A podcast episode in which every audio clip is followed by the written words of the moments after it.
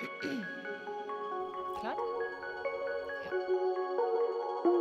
Du hører på Viten og snakkes, en podkast fra Oslo Nett. Velkommen til en ny episode av podkasten Viten og snakkes. Eh, Jeg heter Halvard Lavoll og har med meg eh, Stig Nøda igjen. Ny episode. Husker du hva vi snakket om sist, Stig? bakterier. Bakterier. Våre venner, bakteriene. Våre vennebakterier. Og da hadde vi heldigvis med oss eh, Kaja Marienborg. Velkommen tilbake. Takk. Det holder ikke bare å snakke om eh, bakterievennene våre. Vi må også snakke om den andre delen av det. Ja. The dark side. The dark side, ja. Spooky. Ja, eh, bakterier, de eh, Sånn stort sett så tror jeg flest kjenner de som våre fiender. Nettopp. det gjør jeg. Jeg har en følelse av at jeg mener at de meste Ja. Mm. Bortsett fra i Biola og sånn. Ja. Ehm, og så tenker jeg det at um, det viktigste å tenke på er jo at de er egentlig våre venner. Ja. Og så må vi på en måte være klar over hva som gjør at de kan bli våre fiender. Så, så forrige episode så snakka vi om vennebakteriene våre. Mm. Og i denne episoden skal vi nå snakke om bakteriene, uvennene våre. Og du er fortsatt bioingeniør og universitetslektor eh, her på Oslo OsloMet. Det er jeg. Ja. Men, men, men hvis du blir forkjøla, eh, så, så skiller vi ofte mellom at du bare har et forkjølelsesvirus, eller at du får til halsbetennelse. Da er det bakterielt. Mm. Hva betyr det? Altså, hva har skjedd da? Eh, forkjølelsesvirus, de liker jo kulda. Eh, og det har vi jo sett nå med at vi får stigning i korona, men i tillegg så får vi masse andre virus. Eh, så det vet vi jo, det er sånn sesong. Men når du får en halsbetennelse, så får du eh, en infeksjon hvor en bakterie som egentlig ikke skal være der, har kommet inn og fått lov til å liksom formere seg i et område, gjerne da halsen din, som gjør at du får en immunrespons. For det er jo kroppen som gjør deg syk, det er den som gir deg feber, det er den som kan gi deg litt sår hals, slim, snørr. Det er kroppen som lager. Eh, og da, hvis du får en halsbetennelse, så kan det jo hende at du må ha behandling. Da må du gå til legen din, og så er det veldig viktig at han faktisk tar en prøve. Eh, og at du som pasient lener deg litt tilbake og lar legen gjøre jobben sin, og si er, mistenker jeg at dette er en bakterie, eller mistenker jeg at dette er et virus. For det har faktisk ganske stor eh, betydning, for både for hvordan du blir behandlet, men også for hva kroppen din og kroppens bakterier syns om den behandlingen. Det er sånn at eh, vi har et, eh, en medisin da, mot bakterier som heter antibiotika. Nettopp. Ja. Og eh, det var jo en revolusjon. Hvis du ser reklameplakater fra eh, etter første verdenskrig, så var det sånn derre Vi har penicillin. Eh, du kan kurere alle sykdommer. Det var sånn typ Coca-Cola ganger 10 000. Det var dødsbra. Ja. Eh, og det var jo det som gjorde at eh, alliansen, eller eh, engelskmenn og sånn, vant første verdenskrig, var at de fikk penicillin, og det fikk ikke tyskerne. Så der døde jo folk som fluer av ingenting. Men så er det sånn at eh, eh, bakterier, de har jo vært i en sånn biologisk krigføring med hverandre og andre sopper og mikroorganismer i millioner av år. Snakker over tre millioner år. Så de er ganske gode på det. Dette kan de. Eh, vi derimot er ikke så gode på det, tenker ikke helt på konsekvensen av å pøse på med antibiotika. Eh, og bakteriene, de, de har en sånn eh, Hvis vi tenker oss at bakteriene spiller sånn dataspill, da, eh, sånn som World of Warcraft, så er liksom hver bakterie en spiller, kommer inn i, dette spillet og eh, kan plukke opp våpen eh, eller egenskaper eller liksom sånn potions som man kan drikke og sånn. Eh, og, så blir de veldig motstandsdyktige og veldig flinke til å krige mot, denne, mot de andre spillerne i spillet. Og sånn er bakteriene våre i kroppen også. De plukker opp sånne egenskaper og blir sånne superbugs. Ikke sant? På laben så tegner vi dem med sånn kapp og sånn. Eh, og Maske, det? Ja, Ja, nesten. ja. Eh, og det gjør at eh, jo mer antibiotika vi bruker, jo mer motstandsdyktig blir de, jo flinkere blir de til å leve i et sånt miljø. Og til slutt så kommer vi da i en situasjon hvor at uansett hva vi pøser på, så bare avfeier de det. Og dessverre så er det konsekvensen som vi kjenner litt på i dag. Eh, allerede i 2015 så sa Verdens helseorganisasjon at innen 2050 så kan mer enn 10 millioner mennesker dø av antibiotikaresistente bakterier. Og vi er nødt til å gjøre noe med det. Det høres ikke bra ut. Men hvor alvorlig kan dette bli? Dette med antibiotikaresistent? Ja, det kan bli, det kan bli ganske alvorlig. Um, de siste tiårene så har vi fått en sånn fantastisk revolusjon i helsetjenesten. Ikke sant? Vi kan eh, transplantere organer, vi kan behandle veldig, veldig syke kreftpasienter, vi kan behandle veldig premature barn, altså barn som er bare 22 uker gamle når de kommer ut av moren sin. Eh, og vi kan også sette inn eh, hofter og knær og alt mulig rart i metall inn i kroppen.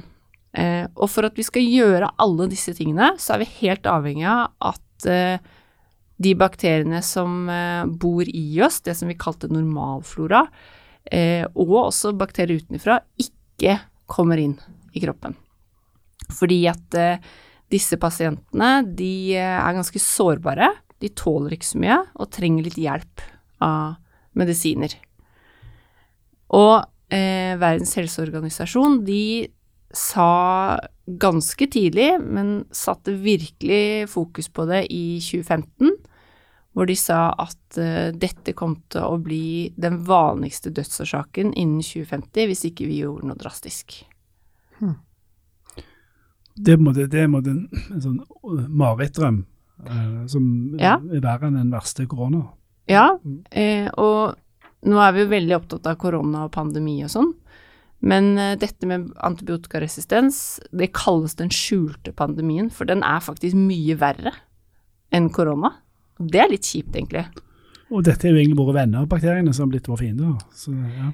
ja. for det som skjer, er at uh, vi bruker ting uh, i jordbruket, eller i havet, eller i kroppen vår, som gjør at bakteriene er de blir helt sånn eh, desperate etter å overleve og tilegner seg masse sånne kunnskaper og plukker opp våpen som gjør at de, de står imot dette her. Det ble ganske tydelig for noen år siden når vi begynte å snakke om antibiotika i dyreproduksjon. Ja. Jeg vet ikke om dere har hørt noe om det? Og så snakker man om sånn der kjøp norsk kjøtt og sånn. Og hvorfor egentlig det? Eh, og det handler om at i Norge så eh, har vi ikke lov til å gi antibiotika til dyr hvis ikke de er syke i produksjon. Mens i utlandet så gir de veldig mye antibiotika for at dyrene skal vokse ca. 3% mer. Og det gjør at eh, de dyra har masse resistente bakterier i seg. Og det man ser, er at eh, mange av de bøndene som jobber med disse dyra, de får resistente bakterier i seg. Mm. Og så lenge du er frisk og rask, så trenger ikke det å være et stort problem. Men blir du sjuk, eller havner på sykehus, så blir det et stort problem.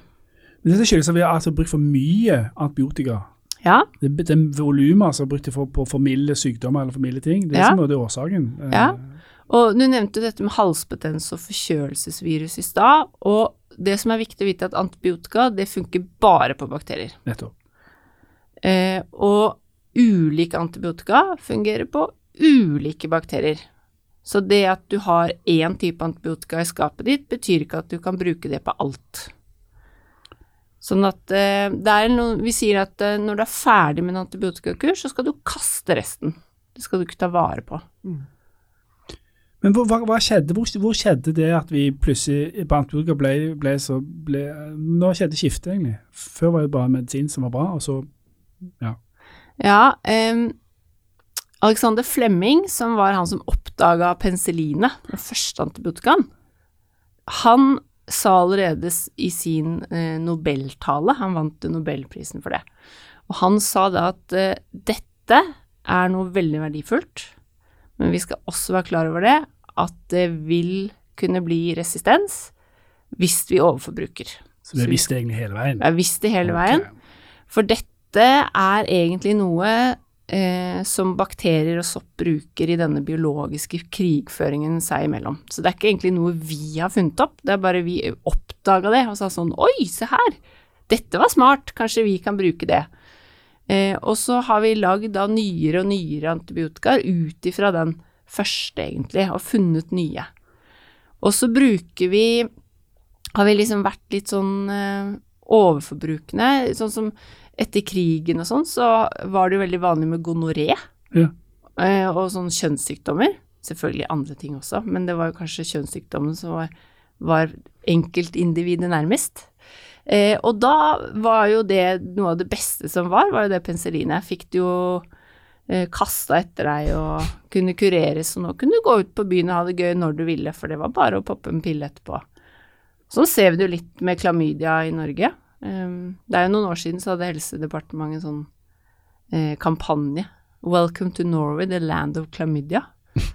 eh, og det er rett og slett fordi at Norge er på verdenstoppen Ja. i klamydia blant unge. Eh, vi er også de dårligste til å bruke kondom, det henger jo veldig sammen.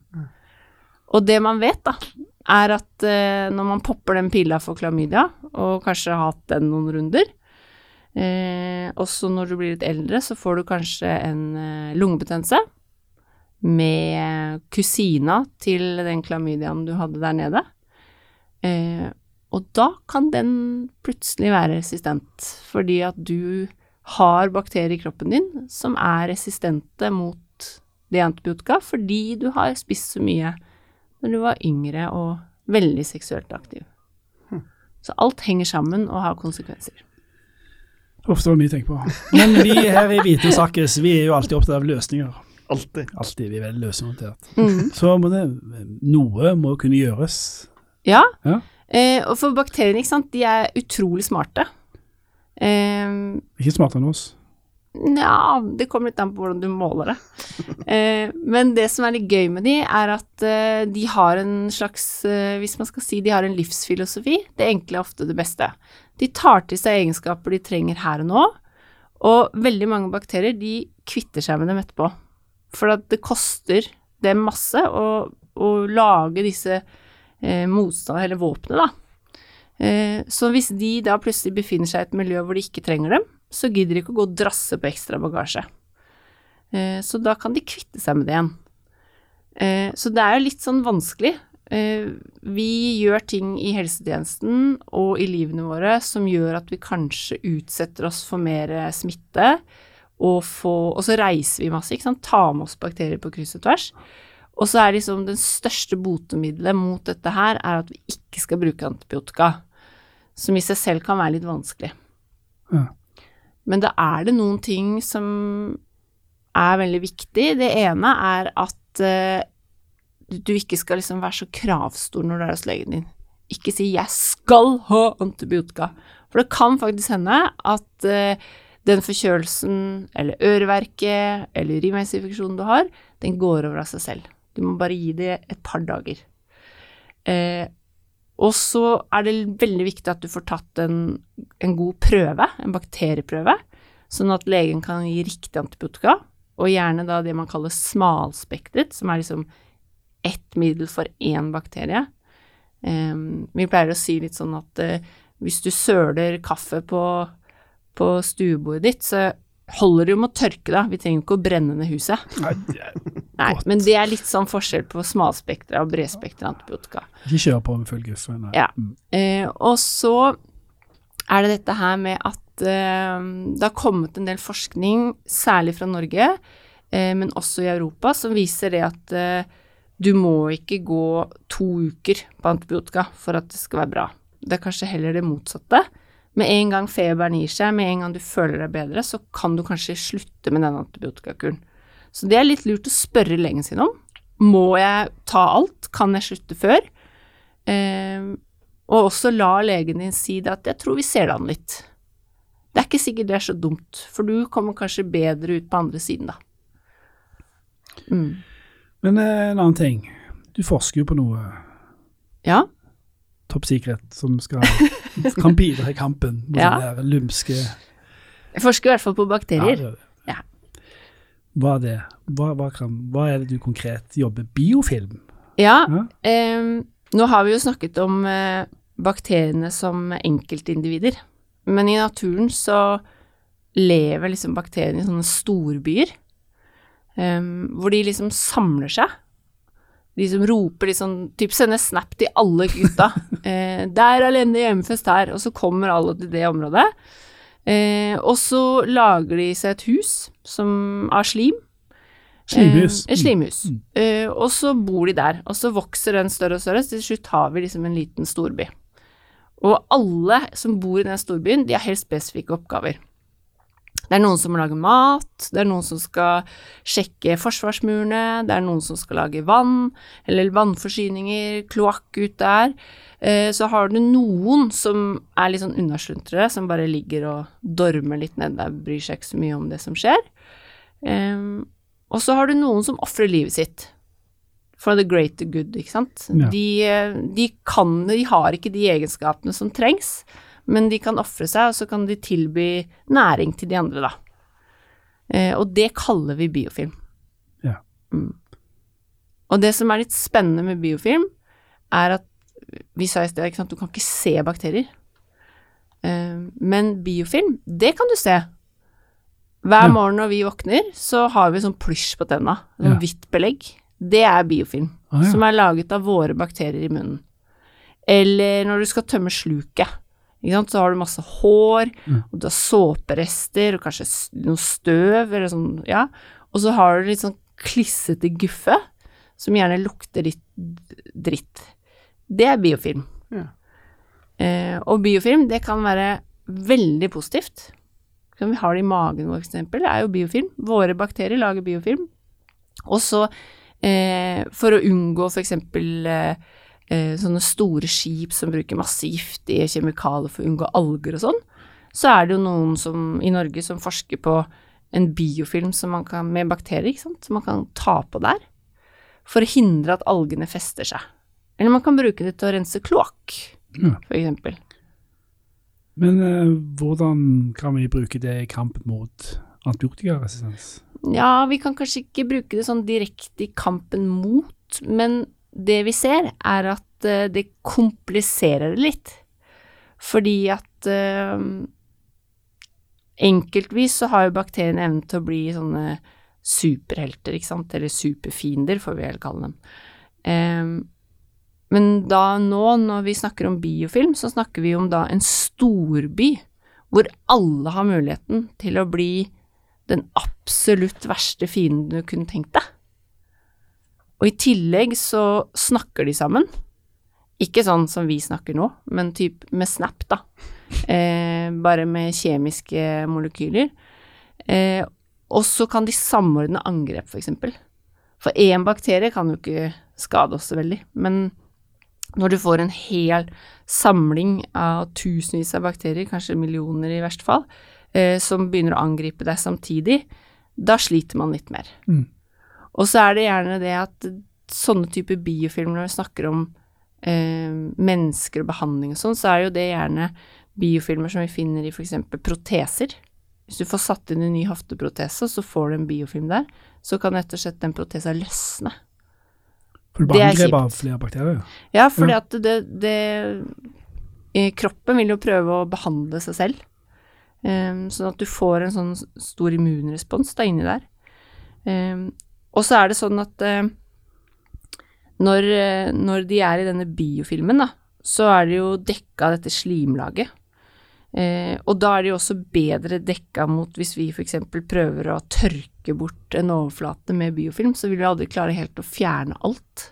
For de beskytter seg mot den kluten, og de beskytter seg mot antibiotikaen. For antibiotikaen klarer ikke å Hvis du ser det for deg at du har en sånn rom full av sånn grønt slim som vi lekte med når vi var små, og så skal du gå gjennom det rommet. Det går ikke så fort. Nei. Nei. Det høres slitsomt ut. Ja. Mm. Og sånn er det litt for den antibiotikaen nå.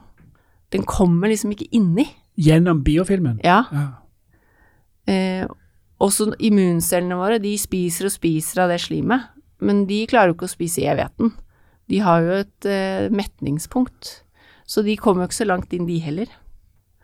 Så hvis vi da klarer, da, å kjøre en skikkelig, skikkelig antibiotikakur, så fjerner vi kanskje 90% av den biofilmen. Men de da som er igjen, de er jo da superskurker. Aha. Og da vokser de opp igjen. Og så blir det bare verre og verre og verre. Og det kan man da gjerne se på kroniske pasienter og sånn, eller pasienter som har underliggende sykdommer som gjør at eh, hvis de får sår eksempel, så gror det veldig sakte fordi Ja. kroppen ikke er så god. Det utnytter da bakteriene. Men jeg må, på, du må rydde i hodet mitt, for det betyr at disse, denne, denne gjengen med, med bakterier i bi, bi, bi, biofilmen, de er da er resistente? Eller de, De kan bli resistente. de kan bli resistente, ja. Mm, men de Så- har liksom alltid rett for å bli resistente. Så klarer ikke antibiotikaen å trenge gjennom det grønne slimet, Nei. eller annen type slim. da. Ja. Så det er liksom både at bakteriene inni kan bli kjemperesistente, men i tillegg så har de da ekstra beskyttelse. Regnfrakk, eh, paraply, Hjelm, hus, hjelm, slim. Så det blir veldig vanskelig å komme inn. Hva kan vi gjøre med det, da? Jo, eh, Forske mer? forske mer, ja. Eh, men det som er litt sånn finurlig med det, er at det finnes jo en del ting i naturen som eh, motvirker den biofilmen. For det er jo ikke noe nytt, i og med at det er sånn de lever i naturen. Så sånn som honning, det er liksom kjent for å være en sånn god biofilmfjerner. Ja. Så honning i halsen er bra? Ja, eh, det er en studie fra England som viser at eh, varm melk med honning, det er både lindrende og bra for halsbetennelse. Eh, og så har man noe som heter medisinsk honning, som er en såkalt manukka-honning fra et manukka-tre som er på New Zealand, som biene har laget honning av, eh, som er behandlet på sånn måte at vi kan bruke det i behandling. Eh, og det er veldig, veldig bra på brannskader, for eksempel. mm. På brannskadeavdelingen Haukeland så bruker de det særlig i ansikt, fordi at det gir mindre arr, men i tillegg så hindrer det at bakteriene lager biofilm, og man får stygge sår i tillegg. Så det er mulig, eh, men det er jo litt vanskelig, da, fordi at sånn som hvis du har en sånn protese som går i stykker, så kan den opereres ut. Eller du kan få ny. Men hvis du har biofilm på innsiden av kroppen, i lungene dine f.eks., så kan vi jo ikke bare raspe ut det. Vi kan ikke ta ut lungene dine. Nei, det er bare slitsomt. Ja. Eh, Det kan bli litt tungt å puste, rett og slett. Små, små stress. Mm. Så da, det jeg forsker på, da, det er jo eh, å se hvordan vi kan løse opp den biofilmen i lungene. eh, for å hjelpe pasienter. For å komme inn med antibiotika. Ja, sånn at antibiotikaen får liksom virka. Rydde vekk slimet, liksom. For, Jepp. Så det vi snakker om, er mer effektiv bruk av antibiotika ved å håndtere biofilm på en fornuftig måte. Ja, en kombinasjonsbehandling, som det så fint heter. Nettopp. Vi, begynner, vi, vi behandler både utenfra og innenfra, egentlig samtidig. Ja. Mm. For, for du snakker òg i, i stedet om, om smalspektra antibiotika, sånn at, Ja. så, sånn at det er på en måte én måte å treffe bedre på, og bruke mindre antibiotika, og så rydde i, i fo, eh, biofilmen, Mm. så har du da et, en, en an, annen tilnærming til det. Ja. Eh, for det, det som er liksom vanligst altså når vi snakker om biofilm, det er jo eh, gamle mennesker som har sånne kroniske sår, sår som aldri gror, eh, og som blir sånn grønne og litt sånn ekle. Eh, det er jo biofilm, ofte. Og eh, da prøver man jo å fjerne biofilmen med sårvask og sånn, men det funker ikke alltid så veldig bra. For det er vanskelig, vi kan jo ikke liksom skrape det sånn ordentlig bort, for det er jo ganske smertefullt. Mm. Eh, men de har jo også den utfordringen at når de, når de tar antibiotika, spiser antibiotika, så klarer ikke det å komme til ute i bena og sånn, for at de har litt dårlig blodsirkulasjon og sånn. Sånn at det kommer kanskje litt sakte ut. Så det ved å både behandle på utsiden, med f.eks. honning, da, eh, og smalspektra eller veldig spesifikke antibiotika innenfra, så øker man sjansen for at man kan fjerne dette her, da. Men uh, hvordan ser du fremtiden og antibiotikaresistensen? Er det håp? Eh, ja, Forskning kan redde oss? Forskning kan redde oss. Eh, fornuft kan redde oss. Og så Ja, tror jeg det at De er jo eh, ikke fornuftige, så det må vi ikke stole på. Jo, men det med fornuftig bruk, da. Bruk, Ja. Eh, og så tror jeg det at eh, eh, Som flere andre enn meg òg har sagt, at bakterier er egentlig dine beste venner. Hvis vi klarer å snu det litt dit, da. Ikke bare tenke på bakterier som fiender. Ikke være så fordomsfulle mot bakteriene. så tror jeg det at det kan hjelpe oss langt på vei. Mer liberal holdning til bakterier. Mm. Ja. Ja. Bygg ned bakteriefordommene. Det er, det er nye slogans vi kan foreslå her. Ja. Ja. ja, men Så bra. Det gir meg lite håp, da. Eller hva? Ja, altså i Norge har vi vært kjempeflinke. Eh, og eh, de siste tre årene så har man vel redusert antibiotikabruken på norske sykehus med ja, jeg tror det er ned mot 30 det. Ja. Som er kjempebra, når du tenker på at sykehusene er jo storforbrukerne. Jeg tenker bare på andre land, i, i andre land som ikke har kommet så langt i helsevesenet. Der vil det bare øke, øke, øke, sannsynligvis. Ja, um, hvis dere husker, så i starten av korona, når det var som sånn helt gale-Mathias i Italia, Mm. eh, da kom det noen kronikker eh, som snakket om antibiotikaresistens. Eh, og det man så, var at eh, de som havna på intensiv i Italia, i tillegg til korona, fikk alvorlige infeksjoner med antibiotikaresistente bakterier. Og da har du det litt kjipt, fordi at da kan vi ikke behandle det. Så vi må bare håpe at det går over, men samtidig alt vi prøver å gjøre for at du skal overleve, kanskje påvirker mer og mer. Mm. Sånn at mange av de som døde der i starten i Italia, det er ikke sikkert de døde av korona, men at de døde med korona, og at det var de andre bakteriene som egentlig gjorde at de døde. Så eh, i Europa så Hellas, eh, Romania, Italia er liksom de store stygge ulvene når det gjelder eh, resistente bakterier. Um, men også i Asia. Mm. Og det som, er det som er vanskelig med Asia, er jo at eh, de produserer jo alle antibiotika. Og så skyller de liksom veldig mye avfallet sitt ut i naturen. Eh, og i India så er det en landsby hvor de eh, produserer én type antibiotika som er veldig bredspektra, som tar alt. Og der er det så mye av det antibiotika i drikkevannet, i naturen, i jordbruket, sånn at alle bærer på sånne resistente bakterier.